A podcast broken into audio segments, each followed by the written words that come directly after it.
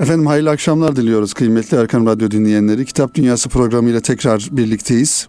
Bu hafta yine e, yakından tanıdığınız hatta Erkam mikrofonlarından e, dinlediğiniz bir abimizle, bir büyüğümüzle birlikteyiz inşallah. Medeniyet Üniversitesi Siyasal Bilgiler Fakültesi öğretim üyesi Lütfi Arslan Bey ile beraberiz. E, aynı zamanda Genç Dergisi'nden de e, yazılarını okuyoruz ve Genç Dergisi'nin de hali hazırda yayın danışmanı olarak hizmet ediyor Lütfi abimiz. Birlikteyiz. Ben programımızın başında kendilerine sizler adına hoş geldiniz demek istiyorum. Hoş bulduk, safa bulduk. Teşekkür ederim. Şimdi hocam bizim Kitap Dünyası programı e, elhamdülillah bir yıldan e, fazla Erkam Radyo'nun kuruluşundan beri devam ediyor. Görüştüğümüz, e, belki belli ortamlarda sıkça buluştuğumuz, bulunduğumuz abilerimizle, yazarlarımızla zaman zaman da farklı yayın evlerinin yazarlarıyla e, sohbetler ediyoruz. Tabii nasip bugüneymiş sizinle bir program yapmak. Ben e, bundan dolayı size ayrıca teşekkür etmek istiyorum zaman ayırdığınızdan dolayı. Tabii Erkam Radyosu'nu şu an dinleyen dinleyenlerimiz sizin yazılarınızı, kitaplarınızı ve e, hususiyle Genç Dergisi merkezli, Genç Derneği merkezli hizmetlerinizi zaten biliyorlar. Biz biraz da bu program vasıtasıyla sizi hem yakından tanıyalım arzu ettik. Belki sizin hizmetleriniz içerisinde e, kendi kendinizi anlatmanız zaten mümkün değil. Ama bizim program buna vesile olur. Lütfü abimizi biraz daha yakından tanır ve yazarlık hayatını, yazı hayatını, kitaplarını biraz daha yakından tanıyıp bir e, güzel numune olması noktasında dinleyenlerimize, özellikle genç kardeşlerimize böyle bir düşünceyle programımıza başlayalım inşallah. Mehmet Lütfü Arslan Bey'i kendi ağzından şöyle özgeçmişini kısaca dinleyelim inşallah. Ben de evvela teşekkür ediyorum programa davet ettiğiniz için de bahtı açık olsun programımızın. İnşallah. Dinleyenlerimizi de buradan saygıyla, sevgiyle selamlıyorum. Tabii kitap dünyası ile ilgili bir programın kendisi zaten heyecan verici. Fakat konu biz olunca tabii biraz sıkıntılı. İnsanın kendisinden bahsetmesi öyle kolay değil. Evet. Ben Erkam'la başladı diye evet. söyleyeyim. O zaman öyle bahsedeyim. 95'te üniversiteden mezun olduktan sonra iş hayatına ilk başladığım müessese Aziz Mahmut Hüdayi Vakfı'dır. Hı hı. Evet. Orada bir, bir sene kadar e, bulunduktan sonra Erkam yayınlarına, Altınoluk dergisine, yazı işlerine geçtik. Birazcık o bu tür işlere, kitaba, yazıya olan merakımızdan kaynaklandı muhtemelen. Daha sonra orada Altınoluk dergisinin İngilizce nüshası, e, Altınoluk dergisinin yine sitesi, ilk, ilk sitesi, daha sonra Sözola dergisi bu gibi eserlerde, ürünlerde gayretimiz olmuştur inşallah diye inşallah. ümit ediyoruz. Bir iki sene kadar yurt dışında bulunduk. Evet. O süreçte de yine Erkam'la Altınoluk'ta irtibatımız hiç kopmadı. Dönüşte de zaten yine yaz işlerinde başladık. Sonra 2006 senesinde e, Genç Dergisi çıktı. Genç Dergisi'nin yaklaşık 8 sene kadar genel yayın yönetmenliğini yürüttükten sonra Çok güzel. E, son 3 sene akademiye intisap etmiş olduk. Evet. Ama Genç Dergisi'yle Erkam'la Altınoluk Dergisi'yle irtibatımız şükürler olsun devam ediyor. Elhamdülillah. Ee, şöyle yani bunları anlatırken sizler ifade ederken hakikaten hani bir e, insanın temeli nasıl kuruluyorsa herhalde eğer birileri de ona rehberlik ediyorsa e, o şekilde devam ediyor. Yani Mehmet Lütfü Arslan Bey'in mesela diyelim ki 15 yaşındaki haline aklımıza şöyle tahayyül ediyorum. Muhtemelen yazıya merakınız o zamanlardan başlamıştır. Tabii tabii biz yani, kültür edebiyat kolunu mesela hatırlıyorum evet, ben lisedeyken. Lisedeyken. Onun, onun başkanlığını yapardık. İşte yazardık. Kompozisyon yarışmalarına katılırdık. Birkaç böyle derecede almışlığımız vardır. O tür bir e, fakat benim mesela ilginçtir. E, hayatımdaki en böyle sonradan bakıp da il, böyle ibretli olduğunu düşündüğüm ya da bana ilginç gelen böyle görüntülerden bir tanesi e, Peder Bey meslek dersleri öğretmeniydi. Yüksek İslam Enstitüsü mezunu. E, Erkam'ın bir toplantısına katılmış. Ya da bir toplantı Ensar Vakfı vesilesiyle bir toplantı mıdır artık o? Orada meslek dersleri öğretmenlerine Erkam o güne kadar çıkmış olan kitapları hediye etmiş. Hı hı. Mesela 80'li yıllar işte 88 zannediyorum. 88 baskılı ya da o daha önceki yılların baskısı ben kendim 88 diye tarih atmışım. O tarihlerde basılmış kitaplar var. Evet. Erkam'ın kitapları evet. var. Onlardan bir tanesinde böyle altını çizerek okumuşum. Ee, oraya kendi ismimi yazmışım. Bir takım altın ok çıkartmaları vermişler. O onları böyle defterlerimize yapıştırmışız. Hı hı. Sanki böyle ileride bir yollarımız evet. kesişecekmiş gibi evet. böyle bir tatlı bir şey olmuş bizde. Ee, doğru. Yani e, işte o zaman başlayan o güzel e, çalışmalar e, üzerine bir şey koyduktan sonra yıllar sonra e, daha farklı hizmetlere vesile oluyor. Hatta belki o zaman e, karalamış olduğumuz birkaç satır yazı daha sonraları üzerine bina edildiği zaman e, kitap oluyor. Ondan sonra okuyucularınıza ulaşmış oluyor. Şimdi biraz sizi daha yakından tanıma adına lise yıllarında ya da daha sonraki yıllarda yazı hayatıyla hani belki bu ifade ne kadar doğru bilmiyorum ama profesyonel anlamda yazma hadisesine nasıl başladınız? Sizi etkileyen mesela kimler oldu? Hangi yazarlar oldu? Yani yazıyı daha yoğun bir şekilde yazmaya ve yazma gerekliliğine zira şu an önümde de sizin kaleme almış olduğunuz dört kitap Lütfi Arslan imzasıyla ve iki kitapta Müstehar isimle e, önümde duruyor. Bunların her birisi tabii bir birikimin neticesi birdenbire çıkan şeyler değil. Biraz yazı hayatınızdan konuşalım istiyorum. O dönemlerle ilişkin yine zihnimde kalan en önemli taraflardan bir tanesi dergiye ve kitabı olan yoğun şeyimdi, iştiyakımdı. Evet. Yani hep böyle bir okuma açlığı içerisindeydim. Bulduğum her şeyi okurdum tabiri caizse. Bulduğu her şeyi tüketmek gibi. Hı hı. Mesela bir adını zikretmekte bir şey beis yoktur herhalde. Can Kardeş dergisi evet. vardı. Hala hı. çıkıyor. Geçen bir karıştırdım o tadı bulamadım mesela. İlginçtir. Ben onu her pazar sabahı hiç unutmam. Her pazar sabahı bayiye gider ve bayinin önünde balyaları bekler. Hı hı bayideki çalışanın keyfi yerine gelecek de balyaları açacak. açacak evet. Oradan can kardeşi çıkartacak, verecek diye onun başında böyle en az bir yarım saat bekledim bilirim. Evet. Alıp böyle gelip bir saat içerisinde o dergiyi okurdum. Ve o böyle bende çok tatlı bir hatıra olarak kalmıştır. Onların mesela o dönemdeki hmm. yazılar, e, çizgiler böyle çok benim için hani suya yazılmış değil de tam tersi hmm. mermere kazınmış evet. yazılar hükmündeydi. Tabii okuldaki öğretmenlerimizin bize teşvikleri, o noktada mesela kültür edebiyat kolu e, silinmez bir şekilde kalmış. Orada yaptığımız faaliyetler, bir takım kompozisyon yarışmaları, e, o tür faaliyetlerde cidden e, bizi o noktada hazırlamış. Bunu şimdi görüyorum anlayabildiğim kadarıyla. Ee, şöyle hocam, şimdi o yıllarda belki daha teknolojinin az olduğu, imkanların da bir yönüyle az olduğu, özellikle yani basılı edebiyatın, kitapların daha insanların elinde ol. Şimdi de öyle ama şimdi biraz daha farklı boyutları var. Siz hani kendi yaşamış olduğunuz o nesli biliyorsunuz, şahit olmuşsunuz. Bir de şu an yine bir yönüyle sizin hizmetleriniz gençlerle yakından da alakalı.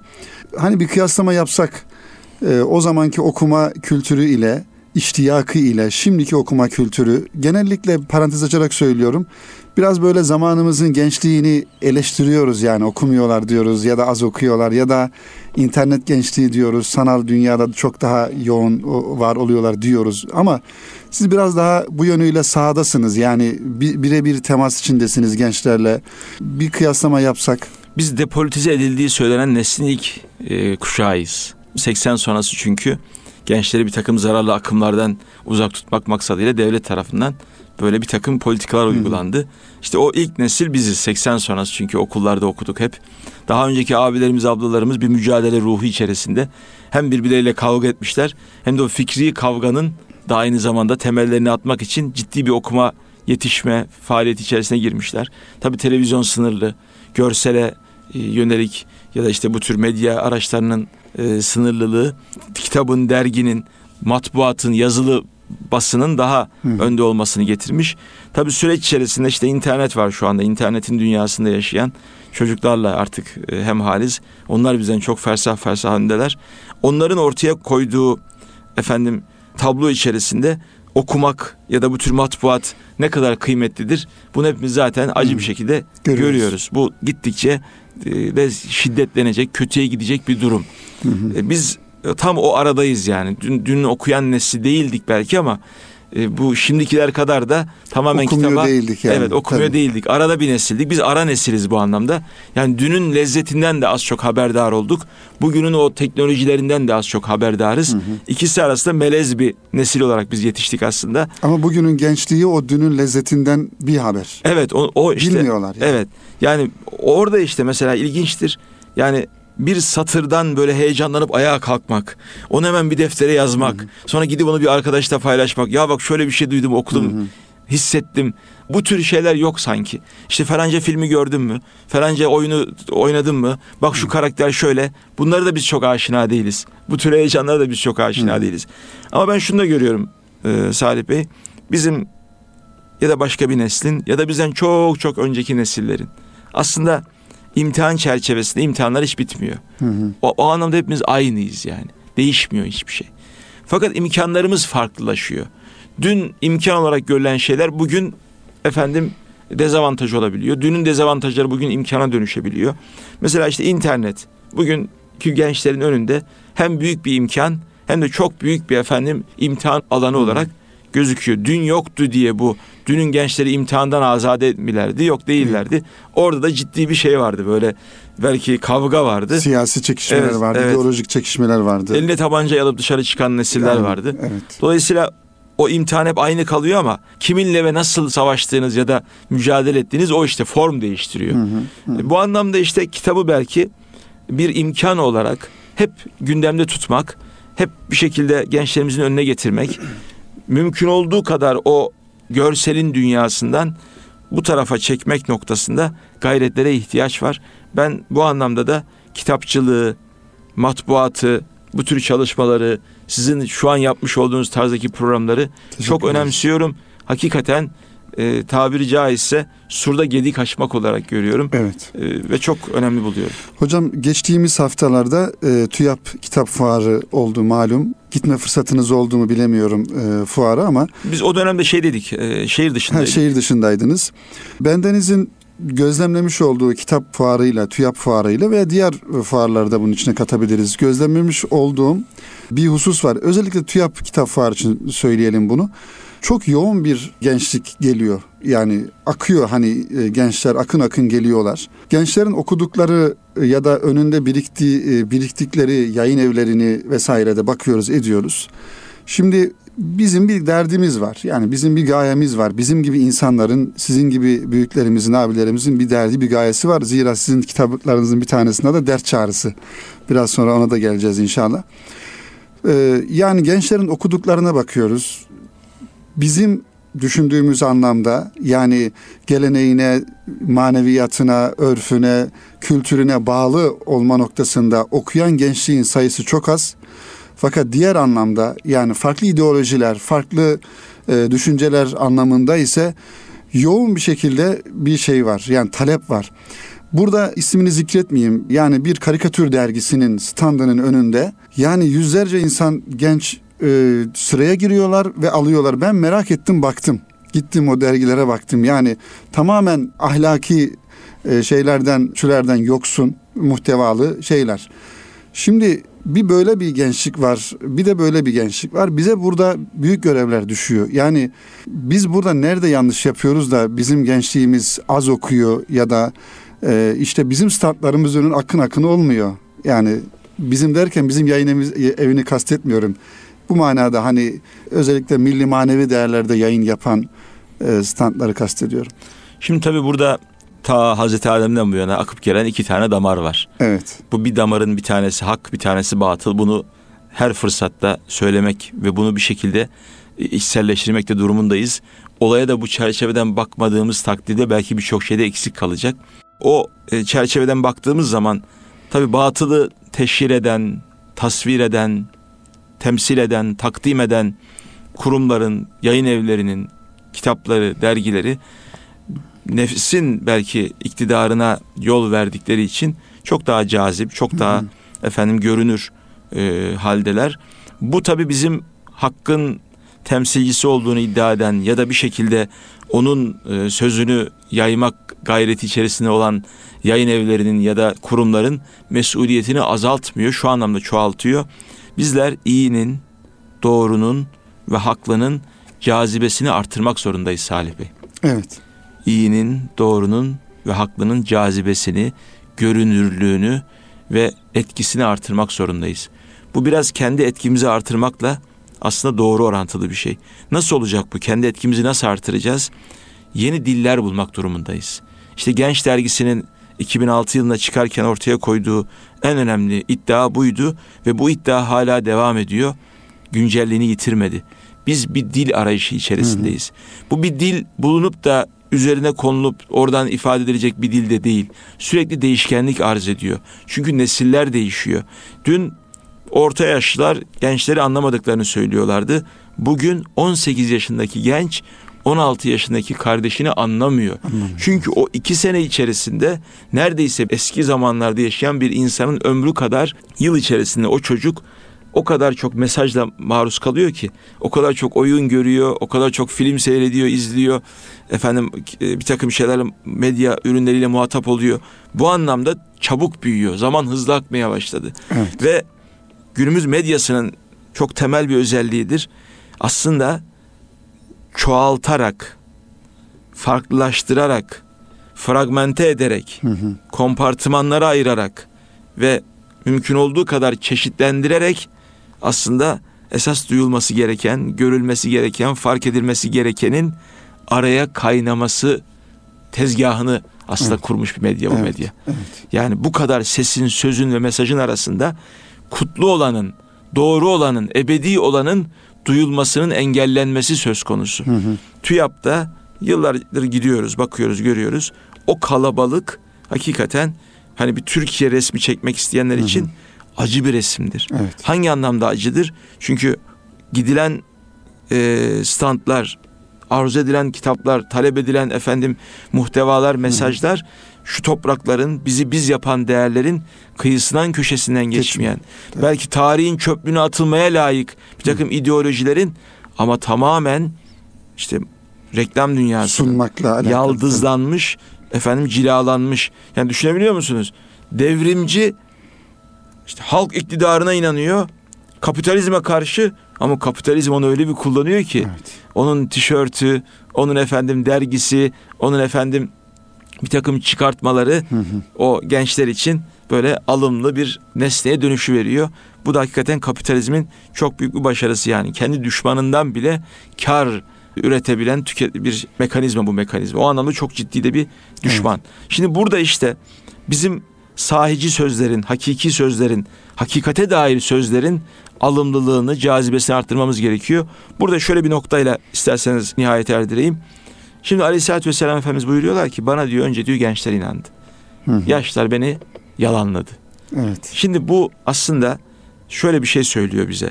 Yani Efendimiz sallallahu aleyhi ve sellemin çağrısı, ortaya koyduğu söz, iddia öyle bir söz ki önce gençleri cezbediyor. Evet. Şimdi buradan şöyle bir çıkarım yapabiliriz. Sözümüz eğer hakikati temsil ettiğini iddia ediyorsak sözümüz önce gençleri cezbetmeli. Çünkü gençlerin duyamadığı sözü kimse duyamaz. Evet. Gençlerin duyamadığı sözü kimse duyamaz. Efendimiz'i önce gençler duymuştu. Bu gençlerin varoluşsal problemlerine ya da durdukları yerde ya da dünyaya dair aslında söz ihtiyaçlarına yönelik bir söz üretmek anlamına da geliyor. Efendimiz o sözü o şekilde ortaya koydu ki kendisine önce gençler inandı, onu yaşlılar yalanladılar. Evet. Bugün de hakikat temsil ettiğini iddia edenler eğer sözlerini gençlerin duyabileceği bir formatta üretemiyorlarsa sözlerinde bir yanlış yok. Kendi kullandıkları dilde bir yanlış var. Evet, çok doğru. Hocam çok teşekkür ederiz bu güzel cümleleriniz için. Biraz daha şimdi içe dönelim. Yani sizin yazmış olduklarınız ve yazı hayatınızla ilgili. Herhalde programımızın birinci bölümünde sonuna geliyoruz. Bu da son bir sorumuz olsun. Ben biraz şahsi bir e, soru sormuş olacağım. Lütfü Arslan Bey neler okuyor, nasıl okuyor, ne zaman okuyor? Yani şehirde yaşamanın vermiş olduğu bir meşgul yoğunluk ve hizmetler, işler vesaire güçler. E, çünkü hem yayın danışmanlığı yapıyorsunuz Genç Dergisi'nin aynı zamanda akademik ortamda da öğretim üyeliği yapıyorsunuz. Üniversitedeki gençlere de bir yönüyle ilgilenmiş oluyorsunuz. Bu bir taraftan da yazıp çiziyorsunuz. Yazıyorsunuz sadece çiziyorsunuz demeyelim de ve okuyorsunuz aynı zamanda. Yani genç kardeşlerimize bir okuma tavsiyesi hani ne zaman okumak, nasıl okumak, neler okumak kısaca bir alabilirsek inşallah. Ben çok okuyan birisi değilim. Evet. Bu itiraf olarak e, görülebilecek bir şeydir ama itiraf olarak da görmüyorum aslında. Çünkü ben az okuyup hazımlı okumayı evet, tercih ediyorum. Çok güzel. Yani hakikaten bazen okuduğum bir cümlenin ya da bir fikrin, bir nüktenin günlerce hayreti içerisinde yaşayabiliyorum hmm. yani. Onu evet. böyle alıyorum, satıyorum, kendimce böyle yorumlamaya çalışıyorum. Hani bir yemek yersiniz mesela. Hı Aradan bir 3-4 saat geçmesi gerekir. Onu midenizin hazmetmesi için. Bazen e, böyle bir cümleye rast geliyorum ki veya öyle bir nükteye işittiğim de oluyor. Hı hı. Hı. Onu diyorum böyle sanki beni üç gün, dört gün, beş gün doyuran bir gıda gibi hmm. böyle sürekli onunla meşgul olup o benim bir anlamda şeyim oluyor. Yani kendisine konakladığım bir menzil oluyor. Evet. Bu anlamda da şöyle bir e, tabii bak durduğum yerden bunu görmem belki normaldir ama buna katılmayanlar da olabilir.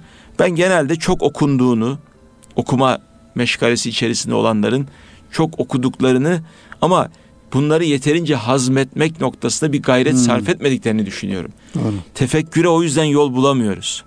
Yani okuyup aslında tefekküre yol bulmak gerekiyor. Bu da belki ölçülü okuyup çünkü bir müddet sonra bu da tıpkı her ifrat ve tefrit gibi bir müddet sonra zıddına inkılap ediyor ve sadece kendisinden başka gayesi olmayan işte metrolarda orada burada ulaşım araçlarında görüyoruz. Sürekli okuyan insanlar, sürekli okuyan insanlar. Baktığınız zaman benim fast food diye tabir ettiğim hı hı. böyle popüler kültür ürünü şeyler okuyorlar. Onlar da muhtemelen kendilerini obezite dediğimiz o hastalığa götürmekten başka bir işe yaramayan fikri anlamda evet. tefekküre yol açmayan ve belki kafalarını zihinlerini işgal eden bir tür onları ameliyeye sevk ediyor. Bu anlamda az okumak, hazımlı okumak, hazmetmek için de beklemek ve o tefekkür seviyesinde bulunmak e, ya gayret etmek gibi ben anlıyorum. Yani okumayı. bir de her önümüze geleni okumamak değil mi? Yani bu e, insanın seçkinci olmak. E, aynen. Evet. Yani insanın midesi her e, gıdayı alamayacağına göre ya da her gıdayı midemize layık görmediğimize göre yani düşünce kalbimize, gönlümüze, e, fikir dünyamıza da her e, kitabı layık görmemek gerekiyor. Kalp fitresi diyorum ona da ben. Evet. Kalp fitresine bir tutup şöyle kitabı o zaten ilk üç satırda, üç dört satırda şey yapar. Belli olur yani. Yani çünkü şöyle bir şey söyleyebiliriz.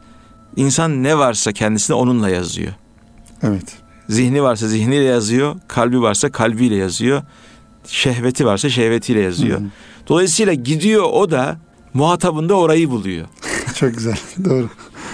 Çok Kalpten güzel. yazılan kalbi evet. buluyorsa onu okumak evet. lazım. Evet. Ama zihni de işletmeyi bırakmamak lazım. Evet. Çok zaman da kalbin daire hayatına girip zihni orada yukarıda da bir organ olduğunu unutuyoruz. Hı hı, hı. Orada bir asude iklimde yaşıyoruz ama bu tarafta yani o üst taraftaki o zihnin e, çetrefilli dünyası da ihtiyaç duyduğumuz bir dünya diğer tarafta.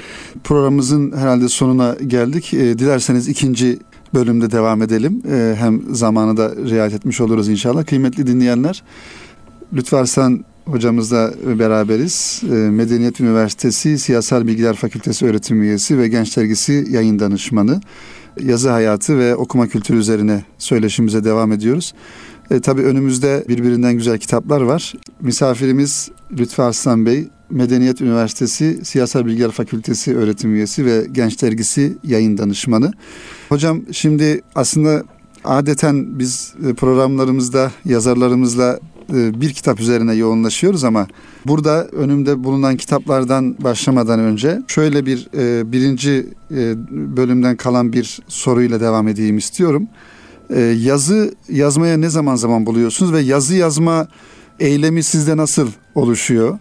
Hani e, bu bir örnek olsun diye. Çünkü yazma heveslisi olan kardeşlerimiz şüphesiz bizi dinliyorlardır. E, bazen hani insanda şöyle bir şey oluyor. Bir yazı yazmak istiyor ama nereden başlayacağını bilemiyor. İlk cümle çok önemli vesaire. Şimdi Dostoyevski için şöyle bir şey derler e, Salih Bey. E, romanı bitirdim ama yazmaksı kaldı diye. Evet. Bizde de öyle oluyor. Cümleyi buluyoruz bir tane cümle mesela. O cümleyi daha sonra oturup işte bir tür işçilik yaparak kurgulamak geliyor. Siz de sonuçta Altınok dergimizde yazıları evet. düzenli yayınlanan bir kardeşimizsiniz. Belki bu soruyu siz daha etkin ve yetkin bir şekilde cevaplayabilirsiniz. Biz de birazcık o düzenli yazma ameliyesi faydalı bir şey aslında bir taraftan baktığın zaman. insan kendisini zorlamalı yani. Hı hı. Yani bir tür işte bu işi yapmak zorundayım. Şu zaman dilimi içerisinde yetiştirmek zorundayım. Bu gerçekten insanın kalemini de terbiye ediyor. Doğru. Bir düzene de sokuyor. Bir belli bazı mahsullerin işte kitapların verilmesi noktasında da bir disipline sevk ediyor. Diğer türlü işi yazmak olan insanlar yani yazmaktan başka işi olmayan insanlar zaten e, günlerini bu şekilde hı hı. geçirebiliyorlardır. Ama ben orada da işte yazının bir tür sunuhat ya da duyuş, hissediş, zaman zaman ortaya çıkan bir ilham olması kabilinden hareketle tıpkı okumak gibi nasıl okumanın hazmetmesi gereken bir tefekkür sürecine yol açmasının dolayısıyla az okunsa da aslında hazımlı okunursa iyi olabileceğini düşündüğüm gibi e, yazmanın da belli bir kıvamda, belli bir kalitede kalabilmesi için o sürekliliğin zamanın iyi ayarlanması gerektiğini evet. düşünüyorum. Yani yurt dışında mesela gazete muharriri, gazete yazar olarak ortaya çıkan insanlar ayda 3 veya 4 makale yazarlar. Yani evet. bu bir hem araştırma ürünü olması içindir onun hem de ciddi anlamda bir efendim böyle tefekkür ürünü olması içindir. Bizde genellikle her gün yazmak bir mecburiyet gibi addedilmiş özellikle gazete yazarları için. Evet. Bu anlamda da daha uzun soluklu eserler vermek isteyen insanların e, bir kitaba yoğunlaşıp orada böyle bir demlenmeleri e, gerekir diye düşünüyorum. Hatta yazı ile ilgili biz zaman zaman genç kardeşlerimizle konuşuyoruz. Benim bir saat, bir gün, bir hafta ve bir ay formülüm vardır. Hı hı. Bir yazıyı yazdıktan sonra bir saat sonra unutup bir saat sonra okumak lazım tekrar. Evet. Bir gün sonra tekrar okumak lazım unutup. Bir hafta sonra tekrar okumak lazım. Bir ay sonra tekrar okumak lazım. Bu dördünde de muhtemelen farklı değişiklikler yapılacaktır. Hı hı. Tamam yazım son keman hiç bulmaz. Hep böyle bir değişiklik olur ama bu dördünü insan yapabilirse çok zaman aylık yazı yetiştireceğiz diye o bir güne bile çok zaman vakit bulamıyoruz. Halbuki yazının da dem, demlenmesi gerekiyor. Yazının da kendi kıvamını bulması gerekiyor. Kelimelerinin belki bu noktada hı hı. iyi seçilmesi, iyi seçilmesi gerekiyor. gerekiyor. Mesela Nuri Pakdil'den bir örnek vererek bitireyim. Ee, Nuri Pakdil 300 kere yazmış bir şiiri mesela. Evet Sükut suretinde kitabında değil mi o şiirlerin altında notlar var. 300. kez yazılmış. Yazılış diyor evet. Yani yani iki satırlık bir şey evet. belki dört kelimelik bir şey ama evet, evet. böyle bu bir e, yazı hassasiyetini de aynı zamanda ortaya koymuş oluyor. Hocam şimdi arzu ederseniz kitaplarınıza geçelim. Zamanımız da inşallah el verir. Önümde bulunan kitaplar Genç Dergisi, Genç Kitaplığından çıkan Erkam yayınlarından ve Genç Kitaplığından Genç Dergisi logolu kitaplarımız. İlk yazdığınız kitap Dert Çağrısı. Şimdi sizi tanıyan ve yazılarınızı takip eden dinleyenlerimizi e, hatırlayacaklar. Yani Lütfü Arslan abimizin bir dert çağrısı var. Tabiri yerinde ise avazınızın çıktığı kadar bağırıp bir dert çağrısı yani bir ümmeti Muhammed'e bir çağrı. Bu dert çağrısı felsefesini kısaca şöyle bir ifade edebilir misiniz? Aslında çok kısa ifade edilecek olursa insanın kendi hakkındaki muradı araması olarak tarif edebiliriz evet. onu. Bu bir derde düşmeden olmuyor. Mevlana Hazretleri diyor ki dert yol açar. Yani insan kendisi hakkında Allah beni bu kadar insan içerisinde neden artı bir olarak yarattı diye sorup kendisiyle ilgili muradı aramaya başladığı andan itibaren bu sürece girmiş oluyor. Ve şu da önemli bu sorunun yanında. Ben bugün bu gece dünya planından çekilsem. Herkes ölecek sonuçta. Evet. Allah hayırlı uzun ömür versin herkese. Yarına dünya bensiz uyansa ne eksilecekti? Eğer bu sorunun cevabı hiçbir şeyse kendimizin hiçbir şey olduğunu, bir şey olmadığımızı e, teslim etmek mecburiyetindeyiz. Yok bu sorunun cevabı bir şey eksilirse o şeyin ne olduğunu tarif etmek zorundayız. Onu tarif edersek işte ne yapıp ne yapmadığımız noktasında bir yüzleşme yaşayacağız. Hı hı. Bu da bizim kalıcı eserler, kalıcı şeyler bırakmak noktasında efendim bizi bir gayrete sevk edecek. Bir Allah dostu vefat ederken yanındakiler efendim işte bize bir tavsiyeniz var mı artık gidiyorsunuz tarzında böyle. Evladım hakkınızdaki muradı unutmayın demiş. Evet. Demek ki hepimizin aklında bir murat var. Allah bizi bu kadar insan içerisinde biricik, tek, eşsiz yaratmışsa aslında bu sadece bizimle yapılabilecek, sadece bizimle doldurulabilecek, sadece bizimle eksikliği giderebilecek bir efendim uğraşın, faaliyetin, gayretin olduğunu da gösteriyor dünyada. Onu biz kendimiz kalkıp yapmadıktan sonra hiç kimse onu bizim adımıza yapmayacak. Evet. Ve Allah bize ondan soracak çünkü biz onunla ilgili gönderdi. Ben hayatı bu yapılması gerekeni arayıp bulmak olarak tanımlıyorum. Onu insan son demlerine kadar bulamayabilir. Allah diyor 60 sene ömür verdiği insandan mazereti kaldırmıştır. Evet. Hadis-i şerif. 60 sene bulamayabilir. Bir Amerikalı çiftçiye soruyorlar aşk nedir diye. Diyor ki 23 senelik evliyim diyor. Karıma geçen sene aşık oldum. Evet. 22 sene yan yana en mahremanları paylaştığın insanla sadece son sene bir aşk ilişkisi yaşıyorsun. Evet. Böyle olabilir. Ama sonunda bile olsa onu bulmak dünyalara değer çünkü o ebedi saadeti getirecek bir şeydir. Evet. Şimdi e, hocam ağzınıza sağlık. E, hakikaten inşallah dinleyenlerimiz bu kitabı temin ederler ve dert çağrısının muhtevasını bizim tabi burada satır aralarına girip de konu başlıklarını konuşmamız için zamanımız yeterli değil. E, sadece bir işaret etmiş olduk bu yönüyle. E, Erkam yayınlarından bu kitap temin edilebilir. Sonra sırasına göre değil de çıkış sırasına şöyle önümüzdeki kitaplara bakarak Hakim ile Genç bir arayış ve adanış hikayesi. Bu kitapta da şöyle arka kapak yazısında müsaadenizle ben bir e, bir iki paragrafını e, okuyayım dinleyenlerimize. E, şöyle ifade ediyorsunuz. Hayatımda en çok etkilendiğim fotoğraflardan birisi neydi biliyor musun? Daha doğrusu siz değil buradaki kahramanınız ifade ediyor. Sahilde bir ev, pencere önünde konmuş bir akvaryum, akvaryumun içindeki süs balığı. Gideceksin, gitmelisin. Önemli olan gitmek değildir, önemli olan ermektir. Bugün gider, yarın dönersin. Bu gelişler gidişler olmadan sırrı erilmez. Sırrını ermek için sırrının kaynadığı yere gitmelisin. Tabi hakim ile genç arasında olan diyaloglardan bunlar. Evet hakim orada aslında bir Evet. e, Allah dostu ya da e, Bir mürşid-i ermiş evet birisi mürşidi kamil olarak nitelendirilebilir. Genç de e, aslında bu hani mürşidi kamili sen tarif etmeyen nereden yeltendin kardeşim tarzında bir su- suçlama da olabilir. Ben bunu da çok haksız görmem. Ben şöyle aslında görüyorum. Yani hakim bir kalitede bir kıvamda olabilir. Genç de bir toylukta, yetersizlikte olabilir. Aslında e, bu ikisinin buluşması çok önemli.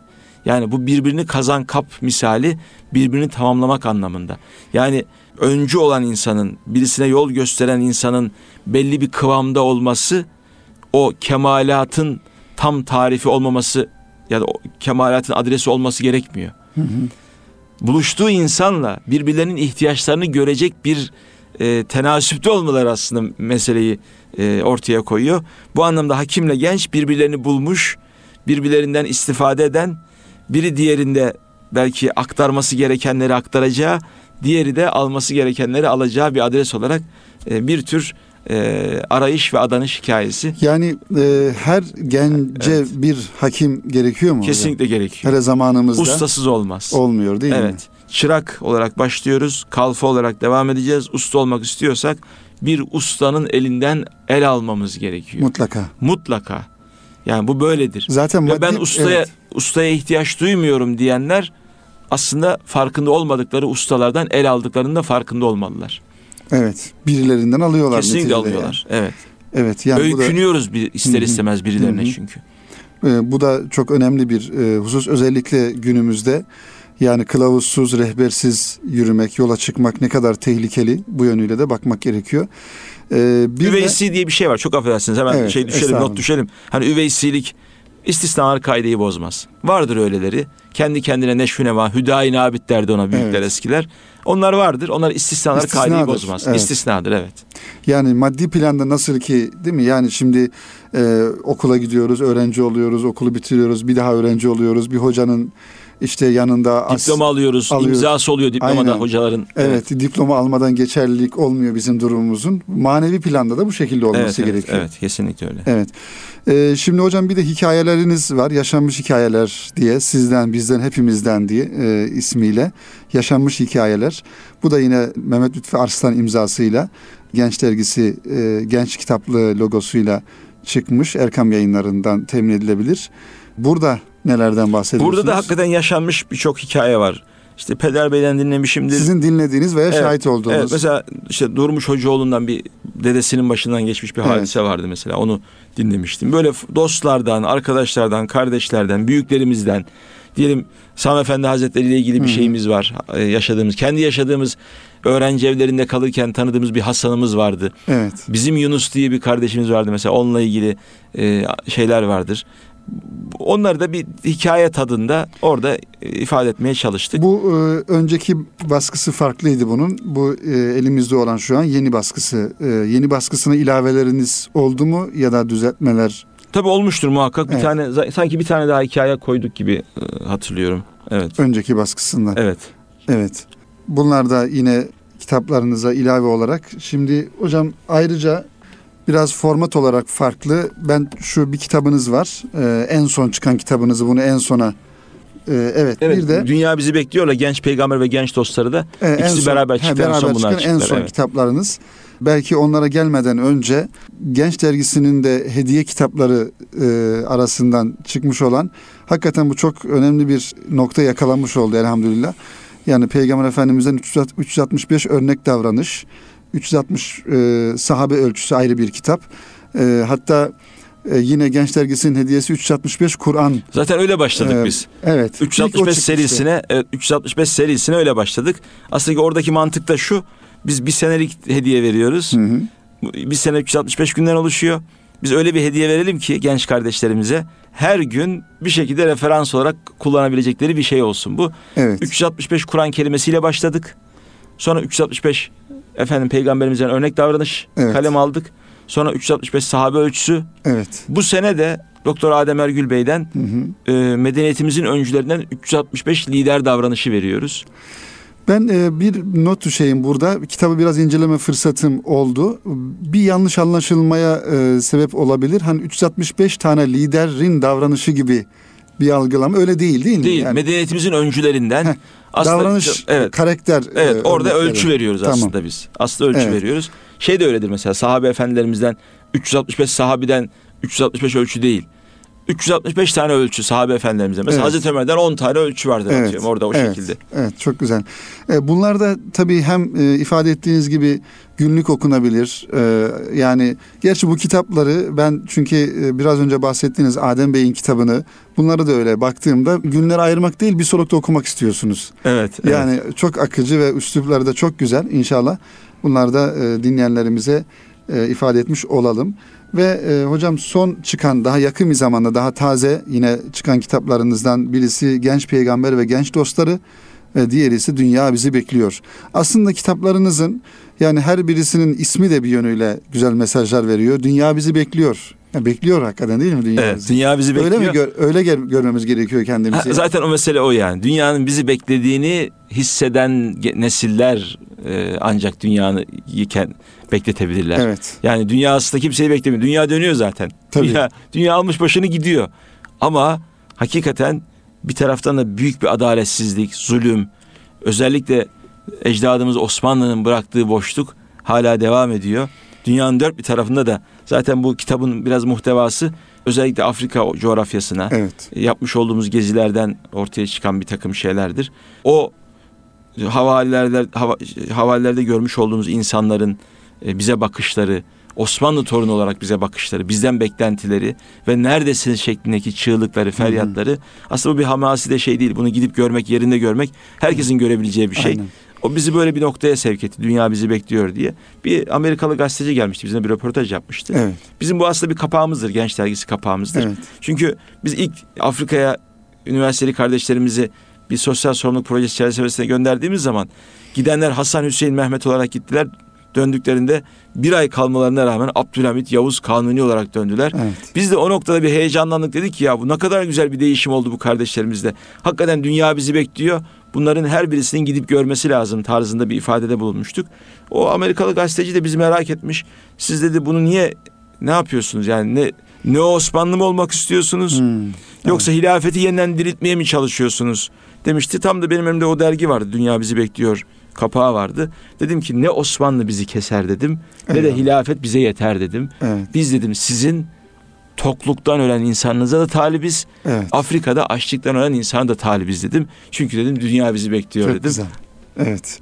Çok güzel hocam. Bu İnşallah- duygularla kalem almış yazılardan evet, oluşuyor. Evet inşallah. Bu da dinleyenlerimiz e, bunu da temin eder okurlar ve son olarak genç peygamber ve genç dostları hem programımızın da bir hüsnü hatimesi olsun. Efendimiz'i de anmış olarak programımızı bitirelim inşallah. Ee, bu kitapta nelerden bahsediyorsunuz? Efendim genç peygamber ifadesi aslında ikbale ait bir ifadedir. Büyük bir Evet. İslam mütefekkiri son yüzyılda İslami hareketin tecdidi noktasında ciddi eserler vermiş olan Muhammed İkbal'in bir ifadesidir. Genç peygamber diyor. Peygamberimiz o. Ee, genç peygamber aslında Efendimizin hep terü taze kaldığını, Hı hı. hep ebedi gençliği ifade ettiğini. Çünkü bizde gençliği bir fizyolojik bir durumdan daha ziyade yaptıklarıyla değil Hı hı. yapacaklarıyla yaşamak olarak tarif ediyoruz. Bu anlamda Aleyhisselatü Vesselam Efendimizin en gencimiz olduğunu düşünüyoruz. Hı hı. Çünkü vefat ederken başında ağlayan kelimesini açıp gözlerini diyor ki ağlama kızım diyor baban bir daha acı çekmeyecek. Çekmeyecek. Evet. Yani o oradaki en acılı anında bile bir cennet iştiyakı, bir ebedi işte Allahümme rafikal ala duasıyla ifade edilen bir menzile, dostlara varma e, ifadesi. Ben e, bunu genç peygamberi ifade edecek en güzel anekdotun da e, şu olduğunu düşünüyorum. Bir gün yağmur yağıyor. Evet. Efendimiz dışarı çıkıyorlar. Mübarek lidasını e, başlarından sıyırıyorlar. Hatta omuzundan da sıyırıyorlar Hı hı. omzunun ve mübarek başının yağmur damlalarıyla buluşmasını temin ediyorlar. Sahabe şaşırıyor. Ya Resulallah bu nedir? Nedir bunun anlamı diye. Diyor ki yağmur tanelerinin Hı hı. ahdi Hı hı. benimkinden taze. Onlar Evet. daha yeni kopup geldiler. Evet. Onlarla buluşmak, onların bereketinden istifade etmek istiyorum. Evet. Biz gençliği böyle bir şey olarak algılıyoruz. Evet. Yani hiç pörsümemek, hep tatlı kalmak, hep heyecanlı kalmak, hep genç kalmak. Bu anlamda önümüzdeki en güzel örnek Efendimiz ve onunla beraber olanlar diye ifade ettiği Kur'an'ımızın sahabe-i kiram efendilerimizdir. Efendimizle beraber olanlara da bakıyoruz. Kısmı azamı gençtir. Gençtir, evet, 20 sahabe. yaşında kumandan, 20 yaşında vali. evet. Hep böyle gençte. Kendisi zaten 40 yaşındaydı. Hı hı. Ee, Allah Allah'ın mesajıyla Evet, mesajını evet. tebliğ etme vazifesi verildiğinde bu anlamda genç peygamber ve genç dostları e, aslında o gençlik perspektifinden çekilmiş bir fotoğraftır. Tabii her fotoğrafın kendi çeken kadar eksikliği vardır ama son tahlilde bu da bir e, Evet. Efendimiz'e ilgili bir özelliktir diye Zaten düşünüyoruz. kıyamette de genç olarak dirileceğiz. Tabii yani. hepimiz 33 Diyelim. yaşında olacağız mi yani, inşallah. İnşallah Cenab-ı Hak e, Peygamber Efendimiz'i de buluşturur ve genç olarak her birimizi inşallah. İnşallah. Hocam e, çok teşekkür ediyoruz. Ben çok teşekkür ederim. E, kıymetli zamanlarınızı ayırdınız ve şöyle hızlı oldu tabii bir gönül isterdi her kitabınızın üzerinde daha farklı her birine bir ayrı program yapmak ama inşallah o onları da yaparız ilerleyen zamanlarda. Dinleyenlerimize son olarak söylemek istediğiniz bir mesajınız varsa Efendim biz Erkam yayınlarını çok seviyoruz. Erkam'ın çağrısının kutlu bir çağrı olduğunu inşallah. ve Altınoluk'un ilk kapağındaki andığını hatırla Evet. çerçevesinde Cenab-ı Hakk'a vermiş olduğumuz o sözün dolayısıyla hakkımızdaki muradı bulmanın e, yegane adreslerinden bir tanesi olduğunu düşünüyoruz. İnşallah. Ve bu anlamda da hakkındaki muradı merak eden okuyucularımızın muhakkak Erkam'ın kitaplarıyla buluşması Buluşma. noktasında kendilerine acizane tavsiyede bulunuyoruz. Rabbimiz inşallah o yoldan ayırmasın. İnşallah efendim. Çok teşekkür ederiz. Kıymetli dinleyenler, bu haftaki misafirimiz Medeniyet Üniversitesi Siyasal Bilgiler Fakültesi öğretim üyesi Lütfü Arslan abimizdi. Aynı zamanda Genç Dergisi yayın danışmanı. İnşallah bir sonraki programda buluşmak ümidiyle hepinizi Allah'a emanet ediyoruz efendim.